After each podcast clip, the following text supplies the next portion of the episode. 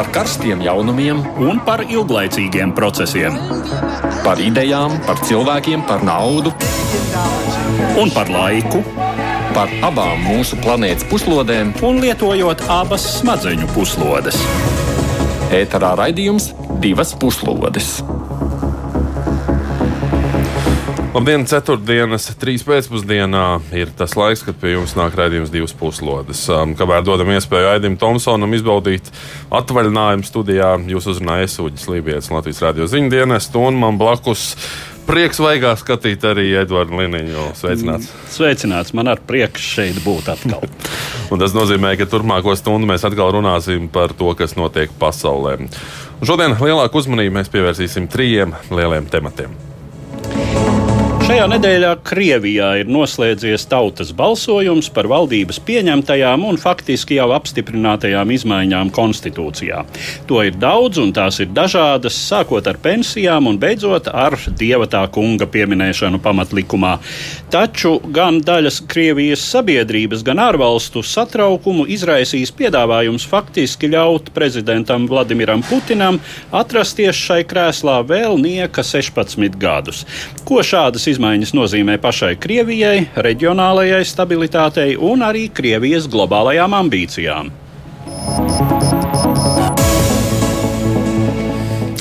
Nemazāk svarīgs balsojums pagājušajā nedēļā no, notika arī Polijā, kura tika vēlēts nākamais valsts prezidents. Vēl maijā, kad bija paredzētas sākotnējās vēlēšanas par pašreizējā prezidenta Andrzeja Dudas uzvaru, neviens nešaubījās. Dažu mēnešu laikā situācija ir mainījusies, un nākamajā nedēļā Konservatīvais Duda otrajā balsošanas kārtā sacensties ar liberālo Varšavas mēru Rafaelu Časkovski, kuram daži pat prognozēja uzvaru. Kā var attīstīties situācija Polijā un pie kā var novest Polijas sabiedrības polarizācija? Ēterā raidījums divas puslodes. Padomē ir uzņēmusies Vācija. Tas notiek laikā, kad Eiropas Savienībai priekšā stāv sarežģītas diskusijas par atkopšanās fonda finansējuma sadali, daudzgadu, daudzgadu budžetu un mūždien arī klātesošo Brexitu. Ko gaidām no prezidentūras, kuras priekšgalā atrodas Eiropas Savienības ietekmīgākā valsts un nemazāk ietekmīgā kanclere Angela Merkele?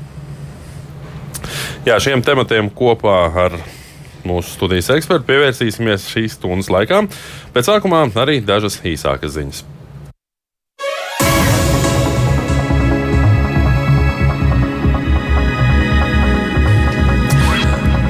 Lai gan Covid-19 turpina izplatīties pasaulē, arvien vairāk ieviesto piesardzības pasākumu tiek atcelti vai mīkstināti. Vakar Eiropas Savienība atvēra savas ārējās robežas 15 valstīm, kurās Covid-19 epidemioloģiskā situācija ir tāda pati vai labāka nekā vidēji Eiropas Savienībā.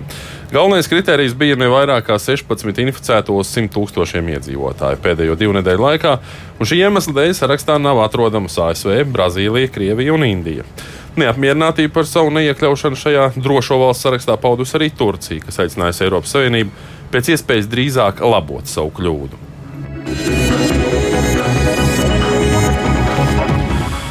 Tikmēr Brazīlijā, kura ir otrā koronavīrusa smagāk skartā valsts pasaulē, bažas rada ne tikai vīruss. Brazīlijā ir sākusies sausuma sezona, un tas nozīmē arī jaunus meža ugunsgrēkus. Jūnijā Amazonas lietus mežos bija par 20% vairāk ugunsgrēku nekā citus gadus, radot bažas, ka šī sausuma sezona nesīs daudz plašākus meža ugunsgrēkus nekā pērn.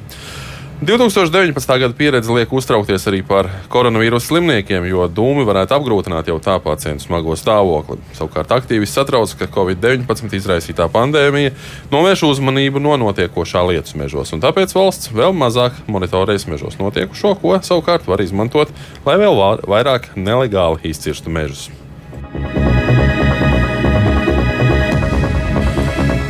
Bet šonadēļ Pekina pieņēma asi kritizēto nacionālās drošības likumu, un tas stājās spēkā vakar, tieši 23 gadus pēc tam, kad Hongkonga no Britu pārvaldības tika nodota Ķīnai, nosakot, ka turpmākos 50 gadus uz šo pilsētu attieksies vienas valsts divu sistēmu princips. Šo lēmumu nosodīja virkne rietumvalstu. Lielbritānija norādīja, ka ar šo lēmumu Ķīna ir pārkāpusi 97. gadā noslēgto un starptautiski atzīto vienošanos, solot virzīt uz priekšu ierosinājumu piedāvāt pilsonību aptuveni trijiem miljoniem Hongkongas iedzīvotāju. ASV pārstāvju palāta jau ir apstiprinājusi likumu, kas nosaka sankcijas bankām, kas sadarbojas ar Ķīnas amatpersonām. Austrālija apsver iespēju piedāvāt patvērumu hongkongiešiem. Protams, ne visas valsts pret šo Pekinas soli ir bijušas noraidošas. Apvienoto Nāciju organizācijā Kuba, pārstāvot kopumā 53 valstis, apsveica jauno likumu un norādīja, ka katrai valstī ir tiesības rīkoties, lai netiktu apdraudēta tās nacionālā drošība. Bet tagad gan par sākumā minētiem tematiem plašāk, un vispirms par Krieviju un izmaiņām tās konstitūcijā. Ja prezidentam Vladimiram Putinam ir vēlēšanās kļūt par ilglaicīgāko Krievijas valdītāju pēdējo pārsimts gadu laikā, šai ziņā pārtrumpojot Josifu Staļinu un 19. gadsimta Romanovu dinastijas imperatorus, tad tagad viņam ir šāda iespēja. Nedēļu ilgusī nobalsošana par grozījumiem Krievijas federācijas konstitūcijā noslēdzās vakar 8. vakarā pēc Latvijas laika, slēdzoties iecirkņiem Kaļiņģeradas apgabalā. Pirmie rezultāti tika publiskoti vēl pirms balsošanas beigām. Savukārt šobrīd, kad apkopoti jau gandrīz visi rezultāti, oficiālie dati pauž, ka grozījums pamatlikumā atbalsta vairāk nekā 3 ceturtās daļas balsojušo. Izmaiņu pakete ir visai nozīmīga. Tā skaitā paredzot pasludināt Krievijas konstitūciju par prioritāru attiecībā pret starptautiskiem likumiem un līgumiem, starptautisko organizāciju nolēmumiem, nostiprināt pamatlikumā nozīmīgu statusu līdz šim margināliem orgānam valsts padomei, ieviest stingrākas prasības prezidentam un augstākajām valsts amatpersonām ārvalstu pilsonības ziņā. Tomēr uzmanības centrā nepārprotam ir divi vārdi - pēc kārtas, kuru paredzēts svītrot no konstitūcijas 81. panta trešās daļas, nosakot, ka turpmāk viena un tā pati persona nevarēs būt Krievijas prezidents nevien divus termiņus pēc kārtas, bet vispār vairāk nekā divus termiņus. Praksē šīs izmaiņas nozīmē, ka termiņu uzskaits sākas no jauna, un Putina iepriekšējie termiņi tiek, kā iegājies sacīt, kopš dažiem mēnešiem attiestatīti uz nulli. No likumdošanas viedokļa viņš tagad var palikt amatā līdz pat 2036. gadam. Kā jau ierasts, Krievijas vēlēšanu un nobalsošanu sakarā procedūras korektums un caurskatāmība ir visai apšaubāma. Tomēr ir pamats domāt, ka arī bez manipulācijām atbalsts grozījumiem varētu būt pietiekams. Kā jau martā rakstīja austriešu laikraksta Der Standarta apskatnieks Andrē Balens, Jaunā Krievijas konstitūcija ir kā liels ragū. Tajā ir kaut kas visiem. Vieniem otrā pasaules kara uzvarētājas valsts status, citiem aizsardzība laulībai, kura Krievijā var būt tikai starp vīrieti un sievieti. Trūcīgajiem ir šis tas par sociālo palīdzību, patriotiem aizliegums atdot pat pēdu dzimtenes zemes, ir arī acīm redzami nesavienojams lietas. No vienas puses, Krievija ir ateistiskās padomju savienības tiesību pārmantotāja, no otras - konstitūcijas pavāri senču piemiņai receptē ietilpinājuši arī ticību dievam.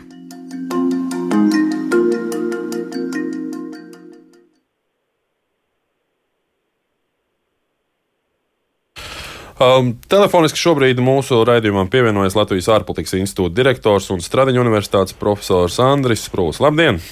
Labdien! Um, visi ļoti satraucas par to, ka Putins tagad nu, faktiski paliks pie varas līdz 36. gadam. Un šis jautājums ir nu, ļoti pretrunīgs pašā Krievijā, jo Putina reitings krīt, un arī kampaņas laikā šis jautājums faktiski pat netika izcelts. Turklāt nekur jau joprojām nav teikts, ka Putins paliks prezidenta amatā vai vēlēsies kandidēt vēl uz vienu termiņu. Kā jums tas viss izskatās no malas? Nu, es domāju, ka viss jau tās piezīmes ir precīzi vietā, ka šobrīd nav tādas pilnīgas skaidrības, pat ja tā viens šķiet, ka tā konstitūcijas izmaiņa ir bijusi nepieciešama, lai saglabātu Putinam varu līdz 2036. gadam. Nu, tomēr izskan arī tie citi vērtējumi par to, ka nu, tā pamatdoma ir vienkārši atstāt dažādas opcijas, dažādas iespējas uh, Putinam, ka, protams, ja viņš vēlēsies, tad viņš varēs kandidēt Viņš ir arī šīs savas izveidotās Putina sistēmas, protams, ka galvenais garants, uh, bet nav izslēgts arī, ka tomēr var būt arī kaut kāds cits scenārijs. Un Putins jau mums nu, tomēr uh, nepār, nepārstāja mūs arī pārsteigt. Uh, arī šī gada sākumā tomēr kaut kādas zināmas izmaiņas jau notika. Mēs sākotnēji visi uztvērām, ka būs viens scenārijs, un beigās tomēr ir mazliet cits scenārijs. Bet uh, Putinam uh, bija vajadzīgi arī nu, tā zinām, aktivitāte tajā ziņā, ka sabiedrība pieprasa tomēr zināmas izmaiņas, nu, tad izmaiņas kopā ar viņu pašu kombinācijā. Nu, beigās ieguvēji, ja tā var teikt, ir visi. Gan viņš, viņš pats, viņam ir šīs opcijas vaļā, gan viņš ir piedāvājis salīdzinoši kaut ko interesantu, pievilcīgu izmaiņu formā, vai pat tas ir ilūzija formā, uh, tomēr sabiedrībai nu, de, teiksim, šo te, šī te konstitucionālās izmaiņas. Um, daži komentētāji saka arī tādu lietu, ka nu, faktiski balsošanas iznākums, lai arī tie ir nu, 78% par, uh, ka tā ir uh, izgāšanās Putinam. Jo pat uh, no vienas puses tas ir vairāk nekā tika nekā atbalsts, kas bija pieņemot pirmo konstitūciju. Tas ir ja nemaldos 93. gads. Jā, jā. Tagad uh, 78%, bet tas nozīmē, tā ir faktiski piektā daļa, ja ne pat vairāk no, no iedzīvotājiem, kas ir balsojuši pret šo. Vai tā ir tāda nu, saka, demokrātijas spēle, vai, vai, vai tomēr tas ir kaut kas tāds nopietns, Edvards, tu varbūt? Ne, nu, kā zināms, tad tūdaļ pēc Krīmas aneksijas, tad pret Putinu bija apmēram 10% no Krievijas iedzīvotājiem. Nu, ja tagad tie ir 20%, nu, mēs saprotam, ka pēc Krīmas aneksijas tās urā patriotisma un tādas lielvalstiskuma histērijas uzbangojums bija nenormāls Krievijā un ka to uzturēt šādā veidā bez eh, jaunām lielām militārām akcijām eh, nav iespējams, nu tad šobrīd ir atslīdējis jā, līdz tiem, eh, nu, respektīvi, teiksim tā, jā, 78% no nobalsojušajiem. Jā. Tātad tas ir kopējais procents, ir mazāks. Vēl. Nu, kopējais procents ir, ir vēl mazāks, bet, bet nu, es domāju, ka Putinam ir vajadzīga uh, šī leģitimācija, un kā jau Sprūda kungs teica, tā tad šīs opcijas. Opcijas, ar kurām viņš atkal var manipulēt, jo tas jau šis tiešām šī Um, tā tad, nu, kā pats, pats rakstīju šai tekstā, bet kā nu tagad apnuļēņie latviešu saka. No, nolīdzināšana uz nulli. jā, nolīdzināšana uz nulli, jā. Uh, ka, tā tad. Ka, ka tā, ir, nu, tā ir viena opcija, kuru viņš varētu izmantot, bet, bet ka, protams, te ir vēl šī nianse par valsts padomi, un uh, nu, vieni saka, tā, jā, nu, līdz 36. prezidents, un tad, ja vēl būs uh, daudz maz pie dzīvības un rīcības spējas, tad var vēl pasēdēt kā senators šai valsts padomē, kurai ir palielas funkcijas paredzētas. Un, nu, zinām, līdzīgi kā savulaik viņš mēģināja būt arī premjerministrs vai bija. Nu, nu apmēram, jā. jā. Nu, jā. Nu, katrā, ziņā, katrā ziņā te ir tas jautājums, ka par ko mēs jau līdz šim runājām šajā sakarā arī eh, iepriekš. Tātad, nu, ļoti daudz kas kļūst atkarīgs no Vladimira Putina fizioloģiskā stāvokļa. Jo fizioloģiskais stāvoklis neizbēgami ietekmē arī domāšanu. Šeit uh, lasu arī tādu komentāru par to, ka, nu, velkot paralēlus ar Padomju Savienību, kad uh, bija pie varas komunistiskā partija, tur bija diezgan skaidrs, ja tu balso, tad tu balso faktiski par nākamo līderi. Nu, vienalga, kurš tas būs, bet nu, kāds jau būs.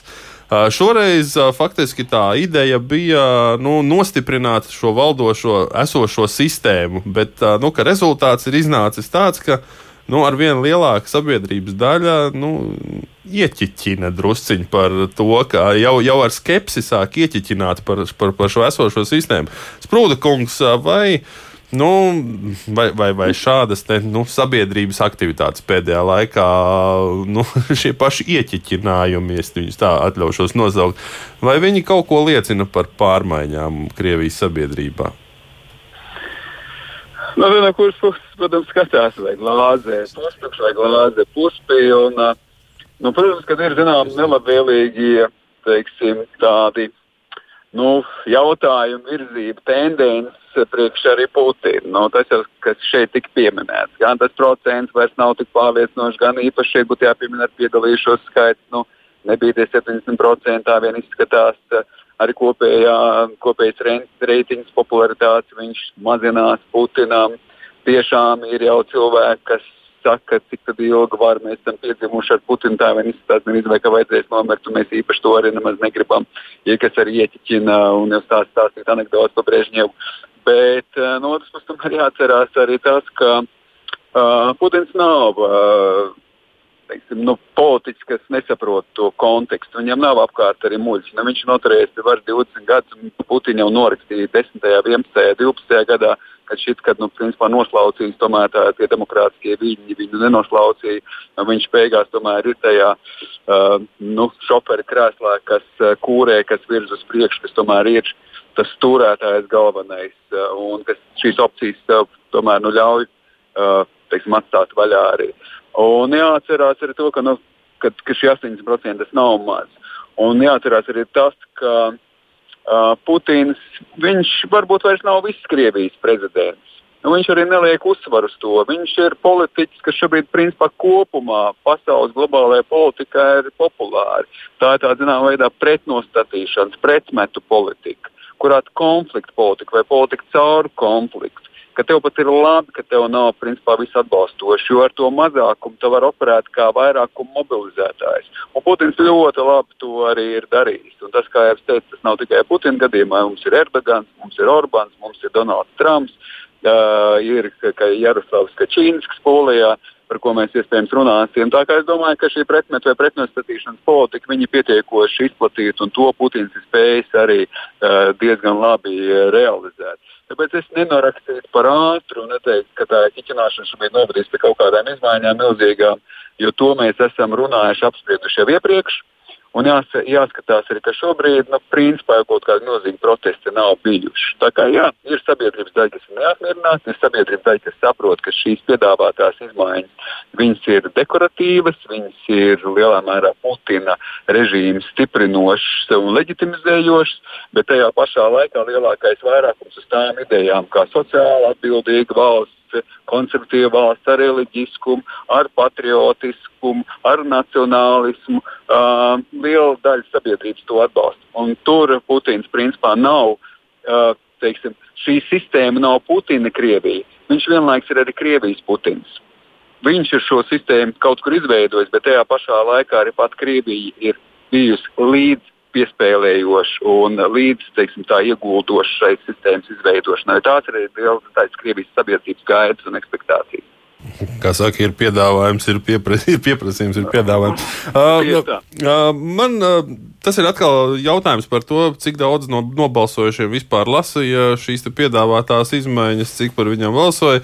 Bet uh, dažādi eksperti, pieņemsim, šeit pat no ziemeļu kaimiņiem Somu, daži komentētāji aicina pievērst uzmanību, pieņemsim, tādiem tādām izmaiņām, kas varētu skart arī mūsu Baltijas valsts. Piemēram, viena no izmaiņām paredz atvieglot Krievijas pilsonības iegūšanu bijušajās padomju republikās.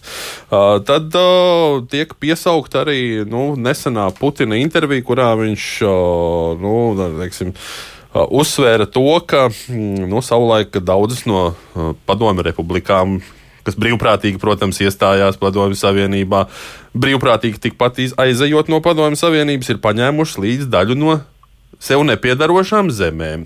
Un tā kā vajadzētu tā kā prasties, varbūt tās, tās, tās zemes atdot. Un, uh, daži eksperti uzskata, ka tas varētu būt mājiens Baltkrievijai, Moldovai, Ukrānai, Kazahstānai. Jā, es arī šādus mājienus un pat sarakstu. Pat sarakstu uh, dzirdēju šajā gadījumā, izklāstā, un jā, uh, tur ir, protams, eh, Ziemeļkazahstāna. Eh, tur un nu, bez konkrētākām norādēm, bet nu, kāpēc lai tur pēkšņi neparādītos šai sarakstā arī teiksim, Daugaupils vai bet, nu, nekādu, ter no Latvijas. Nekādu teritoriālo pretenziju pret kaimiņu valstīm nesot. Jā, nu tad kā tad? Sprūdi kaut kā tad tur izskatās tas viss. nu, es domāju, ka tās divas daļas. No vienas puses, protams, ka uz papīra vienmēr Krievija mūs zināmā veidā arī pretenziozi. Tas nu, arī jāsaka, diemžēl, protams, ka šī kustība notiek. Un tas, zinām, bīstamība rada, jo tu uzliec to uz papīra.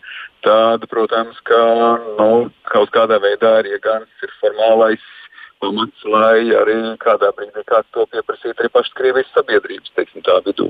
Un eh, jāatzīst, ka dažkārt jau tiek uzskatīts, nu, kas tad ir tās alternatīvas Putinam, un ka nevienmēr tās ir tās demokrātiskās alternatīvas, ka Putinam ir cits alternatīvas. Un tās ir vairāk radikālas un vēl kategoriskākas, un vēl ģeopolitiskākas, un vēl pieprasošākas tajā teiksim, reģionālās klātbūtnes ziņā. Bet no otras puses, nu, jāsaka arī, ka Putins man šķiet, ka nevajag pārvērtēt to, bet tajā pašā laikā viņš ir kalkulējos un arī nu, tajā reālajā vidē darbojošs. Skaidrs, ka tad, kad Ukraina iespēja bija, tad viņš to iespēju izmantoja. Vai tas būs uz papīra, vai tas nebūs uz papīra, nu, tas ir cits jautājums. Tam, protams, ir kaut kāds teiksim, kopīgs diskursu narratīvu veidošana teiksim, tā ietekme, bet nenoliedzami Krievija ir zināmas revizionistiskas ambīcijas. Krievijā ir vienlaikus arī, protams, šis sentiments par padomu savienību. Ir, kas uzskata, ka faktiski ar Krimas teiksim, atkal pievienošanu vai aneksiju vai agresiju, vienalga kā mēs šeit nosaucam, tas ir bijis principā vairāk nevis multinacionāls valsts būvniecība. Tā nav atgriešanās pie padomu savienības, tā drīzāk ir nacionāls Krievijas valsts teiksim, būvēšana, kurā principā tika savākti krieviski runājošie. Ne, ne, neizslēdzam to, ko ir teicis Edvards, ka šeit ir zinām riski vai nu Narvā vai Daugopilī arī teiksim, ir bijis šāda loģika pie piezīmēm. Bet tomēr man šķiet, ka beig beigās tas stāsts, ka, protams, ka bez visiem šiem sentimentiem, papīriem, skaidrs, ka Putins darbojās uh, konkrētā ģeopolitiskajā reālajā vidē. Un kamēr mēs paši esam pietiekoši spēcīgi, kamēr mēs esam daļa no NATO, Eiropas Savienības, kas ir dzīvot spējīgi un darbī, darbojoši un funkcionējoši, es domāju, ka tie riski tomēr ir salīdzinoši nu, ierobežoti. Viņi nav teiksim, apdraudējumi formā, pat ja, protams, kā riski viņi arī pastāv. Nu jā, faktiski ir jāpiekrīt. Un es domāju, ka tas, kā uz to skatās liela daļa pasaules un reāli domājošie pasaules politiķi, no vienas puses Putins nav mums nekāda dieva dāvana. Viņš ir prognozējami, neprognozējams nu jau vairākus gadus, bet tajā pašā laikā labāk, lai tomēr tāds nekā nu, teiksim, kāds, kurš ir prognozējami vēl agresīvāks ja, un, un tiešām mēģina uh, mēģina atjaunot vienoto un nedalāmo, nu, teiksim, ja ne, 2000, ja ne 1914. tad vismaz 1945. gada robežās. Šeit bija vienkārši varbūt tā pavisam īsti piezīmēt, un varu piedošanu, ja iedod tā mazliet vārdā. Uh, ieskrienu, bet bija pat, runājot par alternatīvām, tad bija pat teikt, ka, teiksim, Putinam ir trīs alternatīvas. Trīs Igor Ivanovičs. Igor Ivanovičs Tečins, Igor Ivanovičs Švalovs, Igor Ivanovičs Trelkovs.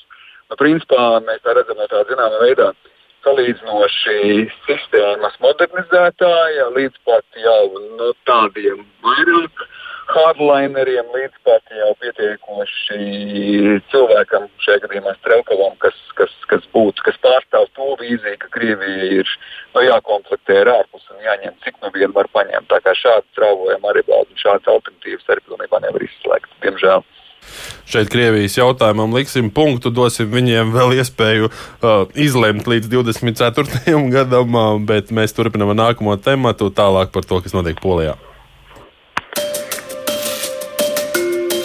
Kā jau bija paredzams, Polijas prezidenta vēlēšanu pirmajā kārtā, kas notika 28. jūnijā, uzvarētājs netika noskaidrots, un otrajā kārtā 12. jūlijā sacensties divi - esošais prezidents, valdošās partijas likums un taisnīgums pārstāvis Andrzejs Duda un pašreizējais Varšavas mērs, lielākā opozīcijas spēka pilsoniskā platforma kandidāts Rafals Časkovskis.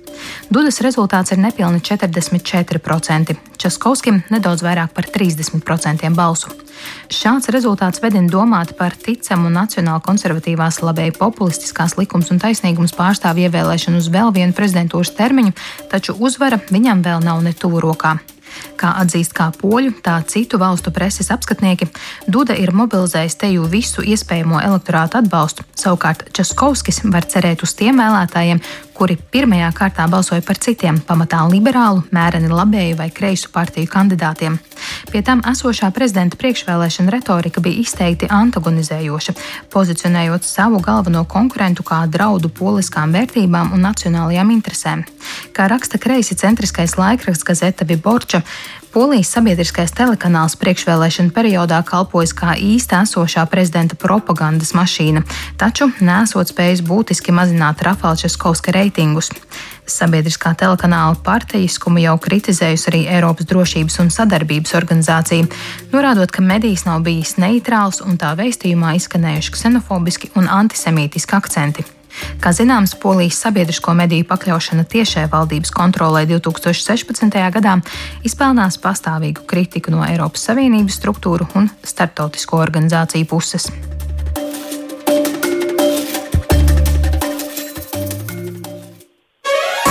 Divas puslodes. Atgādinu, ka mūsu sarunā joprojām piedalās Latvijas ārpolitikas institūta direktors Andris Sprūts un arī Edvards Liniņš. Sprūta kungs, jums polija tāda tuvā, gan profesionāli, gan personiski. Um, laikā, kad Dudam pretī stājās pilsoniskās platformas kandidātam Augažot Kidava Blonska, uh, nu, pašreizējā prezidenta pozīcijas bija faktiski nesatricināmas. Tad pēkšņi uzrādījās Rafals Časkovskis. Un kas notika?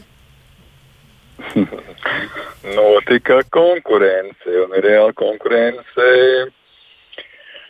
Es negribētu teikt, sākusies, viņa jau sākās mazliet ātrāk, bet, nu, protams, mēs esam iegājuši tajā konkurences kulminācijā uz otro kārtu. Man šķiet, ka paredzēt ir šobrīd ļoti grūti. Un jāsaka, ka Českovskis nu, kaut kādā veidā ir dūda mm, numur divi. Ka principā arī pirms pieciem gadiem pats Duda bija Nu, tā viņš šķita, ka salīdzinoši nezināms, nepārāk teiksim, pirmās līnijas, pirmā smaguma politiķis, bet tieši ar tādu savu dinamismu, ar tādu savu radošumu, jaunību, varbūt pat zināmā veidā politisku un nu, teiksim, arī ar, ar tīru personisko šarmu. Nu, viņš, viņš ienāca un uzvarēja kandidātā laika prezidentam Rovska šķiet, nu, ka viņam nav nekāda varianta zaudēt. Nu, šeit ir mazliet, mazliet līdzīgi. Nu, principā Českovskis viens ir uh, spējis kaut kur apvienot to uzstādījumu, ka viņš var iegūt šīs balsis, un, protams, ka līdz ar to ir šis atbalsts. Otrs ir tas, ka viņš pats tiešām ir cilvēks, kas ko tu tomēr esi spējis pavilkt. Un jāsaka, protams, tas pamats vai tas fundaments ir tas, ko mēs runājam, vai aizskārām Krievijas sakarā.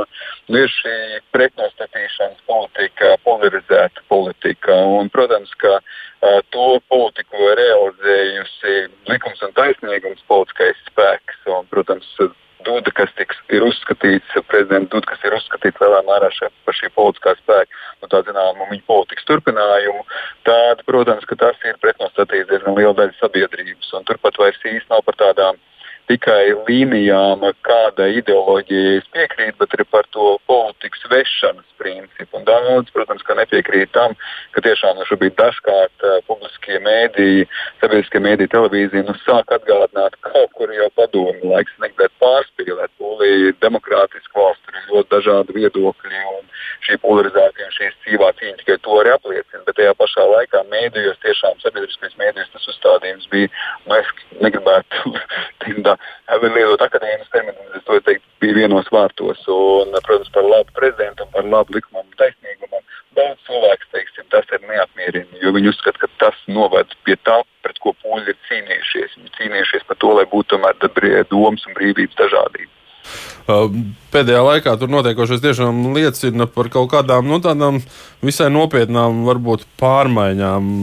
Vai tas, tās ir tādas, nu, jūs minējāt šo te, nu, ideoloģisko atšķi, atšķirību. No vienas puses visai konservatīvi spēki, tagad Českovskis ar liberāliem uzstādījumiem, bet vienlaicīgi arī nu, tie pārējie kandidāti, kas bija, tomēr ir pietiekami konservatīvi, un, bet arī pietiekami populāri. Vai mēs varam teikt par nu, tādām kaut kādām tektoniskām pārbīdēm, vai, vai tomēr par to runāt ir diezgan pāragri un un, un nu, nemaz tik sašķelta tā sabiedrība tīri ideoloģiski nav. Nu, jāsaka, ka kopumā jau sabiedrība šobrīd ir sašķeltas. Um, un to apliecina, es domāju, ka daudzas vēlēšanas, neskaitot arī Latvijā. Uh, mēs dzīvojam laikmatā, kad mēs teiksim, tā varam nu, ļoti labi sevi identificēt un tikt mobilizēt un paši mobilizēt ar ļoti konkrētām, specifiskām idejām. Un, uh, līdz ar to, protams, varbūt tādas lielas platformas, sociāla demokrātija un kristīgie demokrāti, teiksim, tās platformas viņas ar vienu sašaurinās. Tā kā mēs redzam pietiekoši plašu spektru. Nu, varbūt tas, kas ir zināma izmaiņa, protams, ka Polijā notikusi, ir, ja mēs tomēr 90. gados vai 2000. gadu sākumā atceramies, bija Aleksandrs Pašņēvskis, kurš bija tomēr no sociāldemokrātiem ar, zinām, komunismu pagātni bija ļoti pārliecinošs uh, sociāldemokrāti, arī ar bijušiem komunistiem valdības, kas ievada Poliju ar Eiropas Savienībā 2000. gada sākumā. Pēc tam šī sociāldemokrātija nu, kaut kur ir pagājusi otrajā plānā. Tagad mēs pat redzam, ka Polijā varbūt tas kopējs svārs tomēr ir vairāk uz centru un uz konservatīvo pusi. Un tas atkal nozīmē to, ka šķiet šajās konservatīvās vērtībās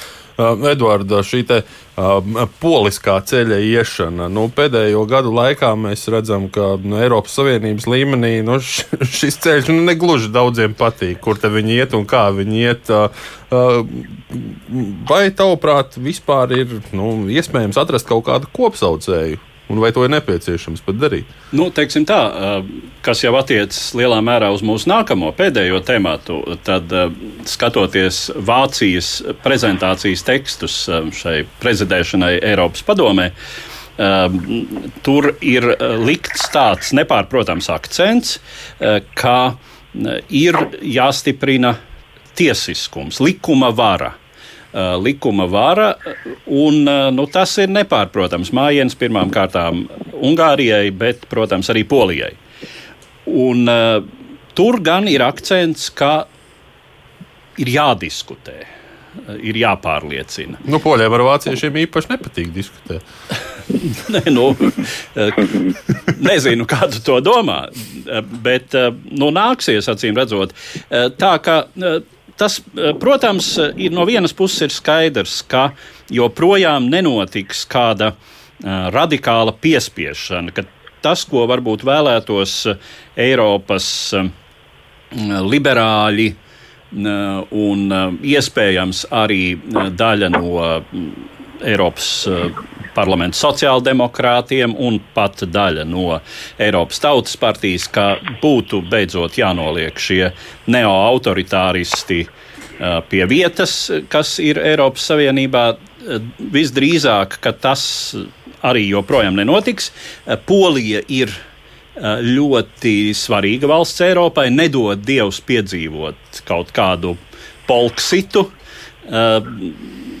Vēl viens zīmīgs fakts, ka runājot par eh, šo Eiropas ekonomikas atlapšanas fondu. Eh, pirmo reizi, es tā domāju, tur pamanāmi ir parādījusies kāda postpadomju, postsocialistiskās sistēmas valsts, un tā ir Polija, kurai tur varētu būt diezgan liels ieguldījumu procents. Nu, to, to jau kādreiz runāja, pirmkārt par ieguldījumu procentu, ka nu, arī tur, tur diezgan tie politiskās tirgošanās aspekti šajos jaunajos budžetos visos ir ļoti, ļoti izteikti kļuvuši. Nu jā, eh, un eh, no otras puses, es domāju, ka ļoti daudzi Polijā justos labāk eh, ja šo problēmu ar Eiropu nebūtu. Un tas ir tas, ko es domāju, Časkovskis var piedāvāt. Tas ir, teiksim, un, un tie ir šie divi uzstādījumi priekšvēlēšanu cīņā, kad no vienas puses ir Duda, kurš vienkārši biedē ar Časkovski kā um, polisko vērtību noliedzēju. Um, kā slikto, lib, piedodiet par neakadēmisku izteikumu, liberastu. Ja? Uh, bet uh, savukārt uh, Časkovskis nāk ar saprotamu un uh, reālu piesolījumu sakārtot, uzlabot attiecības ar Eiropas Savienību un Eiropas centrālajām struktūrām. Tā kā nu, es domāju, mēs tiešām šajā brīdī nevaram droši teikt, kurš būs uzvarētājs šai vēlēšanu cīņā. Paskatīsimies, un ja Časkovskis kļūst par prezidentu, tad, tad likums, būs interesanti. Tad būs ļoti interesanti ilg, ilgāku laiku, jo uh, no vienas puses parlamentā, teiksim, nu, no vienas puses ir, ir šī koalīcija, bet tā arī ir koalīcija. Ja likumam un taisnīgumam nav simtprocentīgi, nav, nav absolūtais vairākums. Protams, es šeit tieši gribēju runāt par to potenciālo interesantumu nākotnē. Uh, savulaik, tad, kad uh, bijušais pilsoniskās platformas līderis Donalds Tusks uh, aizgāja, ja var teikt tā, uz Eiropas gaiteņiem, tad uh, viņš tika vainots par to, ka viņš nav aiz sevis atstājis politisko pēcteci, un uh, pilsoniskās platformas vājums ir saistīts tieši ar vienu cilvēku ambīcijām. Uh, vai līdzīga situācija pašlaik neveidojas arī partijā likums un taisnīgums, un aiz, uh, aiz Jaroslava Kačīnska muguras vai nepaliek tāds diezgan pamatīgs tukšums? Īsā atbilde ir jā. Es domāju, ka šāds risks pastāv. Un Jaroslavs Kačīnskis ir bijis visādā ziņā kādam ļaunais politikas ģēnijs, kādam izcilais uh, ideoloģiski pareizās polijas vērtības, teiksim, tā veicinošs uh, politikas ģēnijs. Tā kā es domāju, ka, protams, uh, Jaroslavs Kačīnskis ir bijis polarizējošs. Un uh, neviens nav īsti vienaldzīgs par viņu. Un atkal nu, tas, ka viņš principā ir tikai partijas vadītājs, bet neņem nevienu teiksim, tādu amatu, kas it kā nu, varētu reprezentēt valsti, tas, protams, arī tā divdomīgi tam visam piedod. Uh, bet no otras puses var jau arī teikt to, ka tomēr Ražslavs Kačinskis viņš ir iedibinājis to, ko viņš grib iedibināt. Viņš ir iedibinājis zināmu kustību, viņš ir iedibinājis zināmā veidā strāvojumu kas, protams, polijas sabiedrībā vienmēr ir bijis e, spēcīgs un klātesošs, bet kas arī teiksim, tādā politikas formā, caur Kačīnska šo talantu, nu, viņš ir atradzis tādu organizatorisko formu, kurā ir teiksim, šie 30-40% nu, vienmēr par šīm idejām uh, faktiski saņēmis uh, balss, kas ir vairāk konservatīvs, kas uz polis polisko reliģiskumu ir vērstas, daļai ir kaut kāda zināmas pretnostatījuma Eiropas Savienības diktātām, pat jau uzreiz jāpiezīmē Polijā absolūtais vairākums ir pro-eiropeiski noskaņot. Tā kā tur tas dalījums ir salīdzinoši tāds zinām, niansēts. Neviens netaisās iet ārā no Eiropas Savienības, bet tajā pašā laikā, protams, Polijai kā vienmēr tā sajūta ir bijusi, ka viņai jājūtās kā tomēr ir lielvarai, un līdz ar to viņai arī ir jāciena, jārespektē un arī pret viņu jātiecās kā pret lielvaru. Bet, eh, protams, ka es piekrītu, ka nu, nekas jau nav mūžīgs. Tie ir uh, atšķirībā no Krievijas, arī es pat teiktu atšķirībā no Ungārijas. Nu, Polijā tomēr tā vide, ko atkal šīs vēlēšanas pierāda, nu, vide ir ļoti kopumā demokrātiska. Te ir zināms paradoks, ka no vienas puses ir mēģinājumi kaut kur varbūt uzlikt zināmus uh, grožus kaut kādām, teiksim tā, nu, uh, es negribu teikt brīvdomībām, bet, bet teiksim, stiprināt šo te arī vāras vertikāli, bet tajā pašā laikā nu, vienmēr Polijā ir bijuši dažādi vāras ietekmes centri, dažādas idejas un beigās, teiksim, ilgtermiņā nu, nevar noturēt kaut kādu vienu pozīciju, neviens politiķis. Es domāju, ka Jaroslavam Kačinskim nu, arī būs agri vēl jāaiziet, nu, arī tas svārs par labu, kas šobrīd jau sāk veidoties par labu arī citiem spēkiem. Es domāju, ka viņš noteikti var parādīties, un Českovskis ir tikai tam apliecinājums. Un tad beidzot no polijas tad, uh, pievērsīsimies arī nākamajam tematam, turpat kaimiņos esošajai un iepriekš jau pieminētajai arī Vācijai. Kopā Eiropas atlapšanai. Tāds ir moto Vācijas prezidēšanas pusgadam Eiropadomē, kuru tā 1. jūlijā pārņēma no Horvātijas. Ar šiem vārdiem domāta ne tikai atgūšanās no koronavīrus pandēmijas izraisītās ekonomikas sabremzēšanās, bet arī plašāka Eiropas Savienības lomas stiprināšana pasaulē. Apvienotā Eiropa, kas pēdējā desmitgadē lielāko daļu enerģijas bijusi spiesta veltīt iekšējām problēmām, finanšu un ekonomikas stabilizācijai pēc iepriekšējās globālās krīzes, bēgļu problēmai un Brexitam, vairākos aspektos zaudē ASV un Ķīnai globālajā konkurencē. Savā prezidēšanas perioda prezentācijā Vācijas ekonomikas un enerģētikas ministrs Pēters Altmējers sacīja, ka ekonomikas motors jāpārstartē visā Eiropā. Tas būs centrālais uzdevums mūsu prezidentūrai Eiropadomē un konkrētāk Eiropas ekonomiskās politikas virzīšanā. Eiropas industriālajiem sektoram, mazajiem un vidējiem uzņēmumiem un daudziem apņēmīgākajiem Eiropiešu privātu uzņēmējiem jāvar ātri atgūties no krīzes. Lai tas notiktu, mums jāpadara Eiropas Savienība konkurētspējīgāka Jāpieņem industriālā stratēģija, jāmodernizē konkurences likumdošana, jāgriež sarkanās lentītes, jāsaglabā spēcīgs uz nākotni vērsts fokus un jāīsteno būtisks progress digitalizācijā un uz nākotni vērstās tehnoloģijās, sevišķi klimata tehnoloģijās. Jāteic, Vācija nu reiz ir tā valsts, kurai ir nevien vēlēšanās, bet arī līdzekļi šādas programmas īstenošanai. Sākot ar Urzulas Fonderlejenas prezidentūru Eiropas komisijā, beidzot ar faktu, ka apmēram 50% līdzekļu plānotajā ekonomikas atlapšanas fondā varētu veidot Vācijas ieguldījums. Salīdzinoši mazāk pārliecības par mērķu īstenojamību ir tajās programmas sadaļās, kur finanšu un ekonomikas resursiem ir mazāka nozīme. Eiropas interešu un vērtību stiprināšanai globālā kontekstā, jaunas patvērumu politikas izveidē, likuma varas stiprināšanā Savienības dalībvalstīs un sarunu procesā ar Lielbritāniju. Un šajā brīdī mums telefoniski pievienojas arī no attīstībai pārsolaik ievēlētais Eiropas parlamenta deputāts Ivars Ījus. Sveicināti! Sveicināti! Iepkungs, es uzreiz uzdošu jautājumu jums. Um, Eiropas parlamentam arī nu, nenoliedzami diskusijās gan par Eiropas atveseļošanu, gan par nākamo daudzgadu budžetu ir nu, šāda tāda teikšana. Un, Kad Angela Merkel ieradīsies pie jums uz diskusijām, ko jūs vēlētos viņai jautāt un par ko ir uh, vislielākās neskaidrības?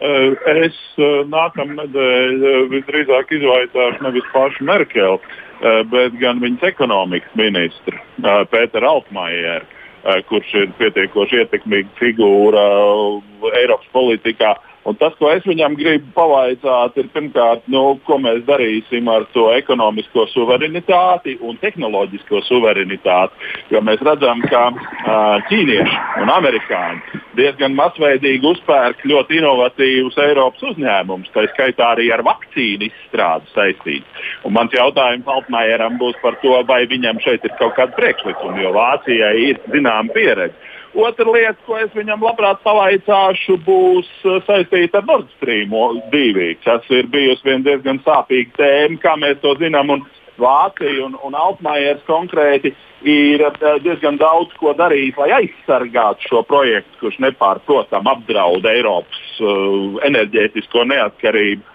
Bet, ja runā par Vācijas prezidentūru kopumā, tad es domāju, ka tie divi lielie jautājumi, protams, ir skaidri un par tiem būs, domāju, ļoti daudz runas jau sākot no nākamā nedēļas. Tas ir pirmkārt tas atvesaļošanās, atgūšanās fonds, uh, nu, cik daudz tajā būs kredīti, cik daudz tajā būs grantu. Un otra lielā tēma ir, protams, Brexit, jo nu, šī gada beigās tam visam ir jābeidzās bet tas līgums vēl joprojām ir krietni tālu no pieņemšanas. Tā kā tādi struktūrāli lielie jautājumi ir šie divi, nu, par kuriem es domāju, mēs vēl dzirdēsim visā šajā Vācijas prezidentūras laikā, kas visciešākā veidā skar, protams, arī Latvijas intereses.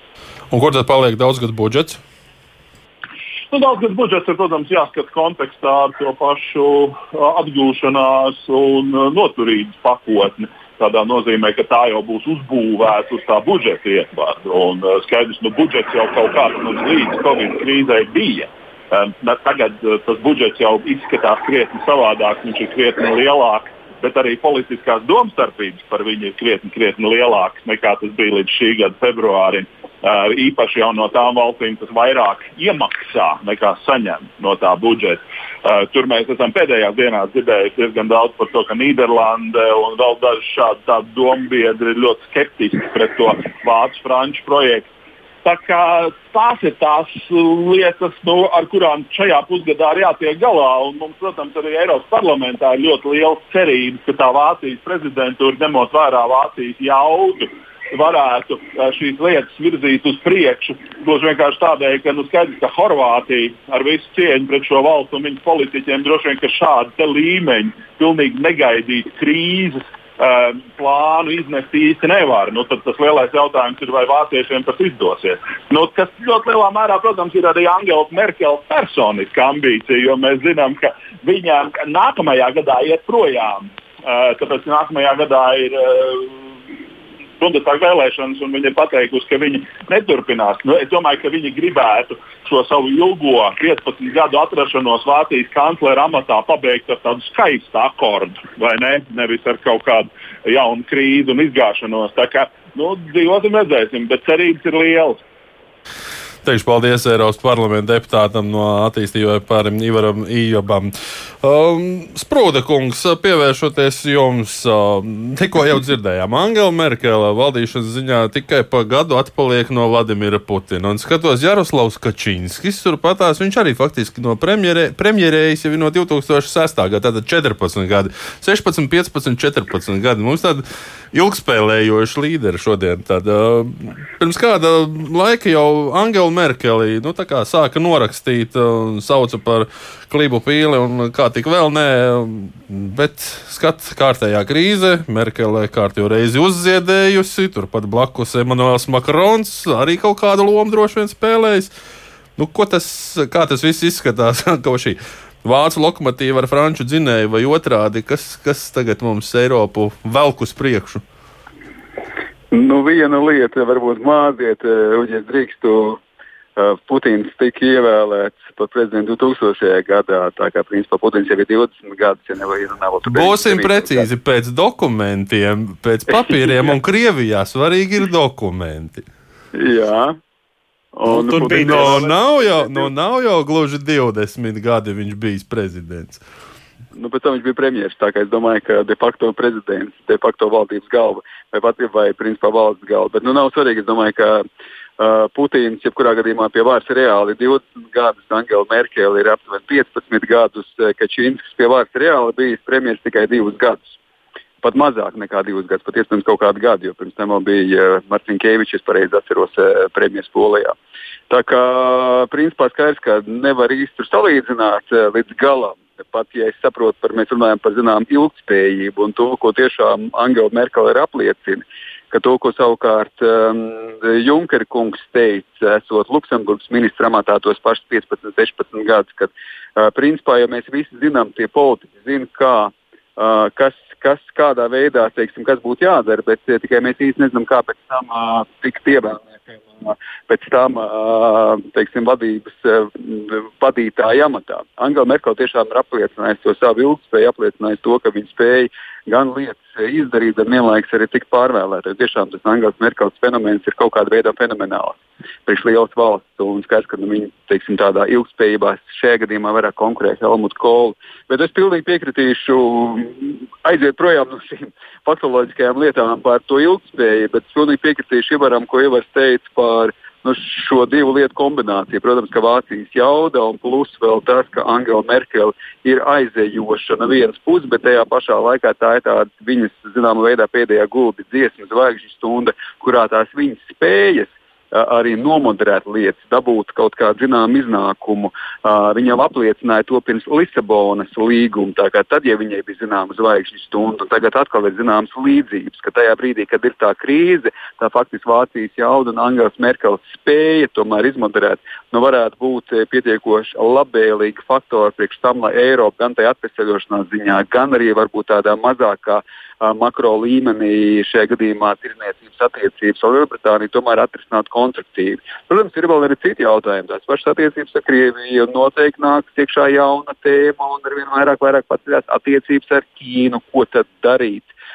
Tā kā nav jau tikai šie vienīgie jautājumi, kas būs šajā pusgadā jārisina, bet kopumā nu, varētu teikt, ka mēs visi esam salīdzinoši veiksmīgi, ka tieši šajā gadījumā ir iekritusi Vācijas uh, Eiropas Savienības prezidentūra un ka joprojām Angela Merkele ir pie stūres. Jo, ja mēs skatījāmies potenciālo viņas aizvietotāju vai viņas darba turpinātāju, nu, tad jāsaka, ka nu, laikam tomēr jau pat nekļūstot par kancleru, jau tas tests netika izturēts. Tāpēc arī mēs nezinām faktiski nākamo pretendentu pašlaik. Precīzi. Nu, tā tas ir. Jā. Un tas lielā mērā varētu arī noteikt, vai patiešām Merkeles kundze pametīs kancleru samatu. Mēs jau sasma, ir... sasmaidījāmies, jā. ka varbūt nemaz nekur neaizies. Nu, visādi var būt, lai gan nu, grūti būtu domāt šeit tomēr. Vācijas Kristīgo demokrātu partijā nu, tāda kadru Eh, zināma kadru izveides uh, sistēma pastāv. Un, nu, kā, jā, cik, nezinu, cik tas ir latviešu pareizi, ko es tagad pateicu, kadru sistēma. Nu, jā, tā tad uh, jaunas politiķu paudzes, bet nu, līdz šim ir. ir problēmas. Sprūdi kungs, mēs atkal atgriežamies šeit pie šī jautājuma. Atkal uh, potenciāli pēc spēcīga līdera iestājās mērens vakums. Jā, un es domāju, daļai jau tā atbilde bija tāda salīdzinoši viltīga atbilde bija uh, Uģi jūsu pašu piezīmē par to, ka Donalds Tusks jau negribēja arī spēcīgu līderi pēc sevis. Tie spēcīgie līderi jau negrib īsti, lai viņi aizēno tie nākošie spēcīgie līderi. Un te ir tie zināmie paradoksi. Tur, protams, jābūt arī liela līdera gudrībai, ka viņš ir pats gatavs pakāpties malā, bet vienlaikus dot nu, iespējas kādam, kurš varbūt nav nemaz mazāk spilgts. Bet kopumā tomēr tā tendence, protams, ka politikā ir tāda, ka tu ir īpaši uh, varbūt pat savas partijas ietvaros pa galveniem konkurentiem uztver tos tās citas spilgtās personības. Un tāpēc šeit, nu jā, tas jautājums par nākošo Vācijas kancleru, kancleri, nu, viņš paliek acīm redzami atklāts. Un es, neiz, es pilnībā neizslēgtu arī variantu, ka pat Angela Merkele ar savu mutīs sindromu mātes, ja tā var teikt, šo te percepciju vai uztveri par to, ka, kāda viņa Vācijas sabiedrībā ir, kad viņa vēl tiks palūgta uh, vēl uz pāris gadiem, nu vismaz tajā pārejas posmā. Un pārejas posms varētu arī ievilkties līdz pat 2025. gadam. Tas arī nav izslēgts. Jo galu galā mēs arī faktiski nevaram pateikt, cik ilgi šī krīze turpināsies. Varbūt Tieši tas tā. spēcīgais līderis ir vajadzīgs ilgāku laiku. Tieši tā. Jā, nu, par to mēs, protams, eh, nevaram tagad izzīmēt, lai gan nu, es eh, piekritīšu visnotaļ tam, ka eh, šī ir, kā saka, veiksme. Laime, nelaimē, ka tiešām šobrīd iekrīt Vācijas prezidentūras pusgads, kad ir, nu, kad faktiski izšķirsies tas, cik veiksmīgi Eiropas Savienība atspērsies pēc šīs pandēmijas izra- izraisītās lejupslīdes. Uh, lai jācer sāktu atkal zinām augšupējošu posmu, uh, un ka tiešām tā kombinācija, tātad Fonderlejenas kundze Eiropas komisijas priekšgalā, Vācija kā prezidējošā valsts, tur būs zināma, es teiktu, sinerģija uh, politiska un, uh, nu jā, finansiāla arī. Uh, un, uh, um, Nu, kā lai saka, jā, es personiski visu laiku ar tādām bažām domāju, un, un tie simptomi jau parādās, ka vāciešiem pamazām sāk apnikt maksāt visus rēķinus, bet nu, pagaidām viņi vēl ir gatavi to darīt. Jā, un izskatās, ka Angela Merkele ir pat tīri aktīvi noskaņota turpināt šo nostāju. Nu, skatīsimies, kā viņai sanāks tandēms kopā ar savu bijušo padoto Urzulu Fonderlejenu, kas tagad īsti nevar saprast, kura tad ir tā priekšniece varētu būt. Nē, nē, nu, tur nav priekšnieku. Labi, es, es, protams, attiecības. Labi, Gunga, paldies šajā brīdī. Saka, saku nā, Latvijas ārpolitikas institūta direktoram, Stradiņu universitātes profesoram Andrim Sprūdam un, protams, arī Eduardam Liniņam. Um, studijā šoreiz bija Esuģis Lībijams, mūsu producents bija Nieva Zeisa. Paldies, ka klausījāties. Atgādinu vēl arī, ka gan šo raidījumu, gan arī visus citus Latvijas radio viļņos skanējušos ārpolitikai veltītos sižetus varat atrast arī pievienojoties mūsu Facebook grupai ārpolitika tūplānā. Sadzirdēšanos atkal pēc nedēļas šajā pašā laikā, kad lūkosim, kas noticis šīs planētas abās puslodēs.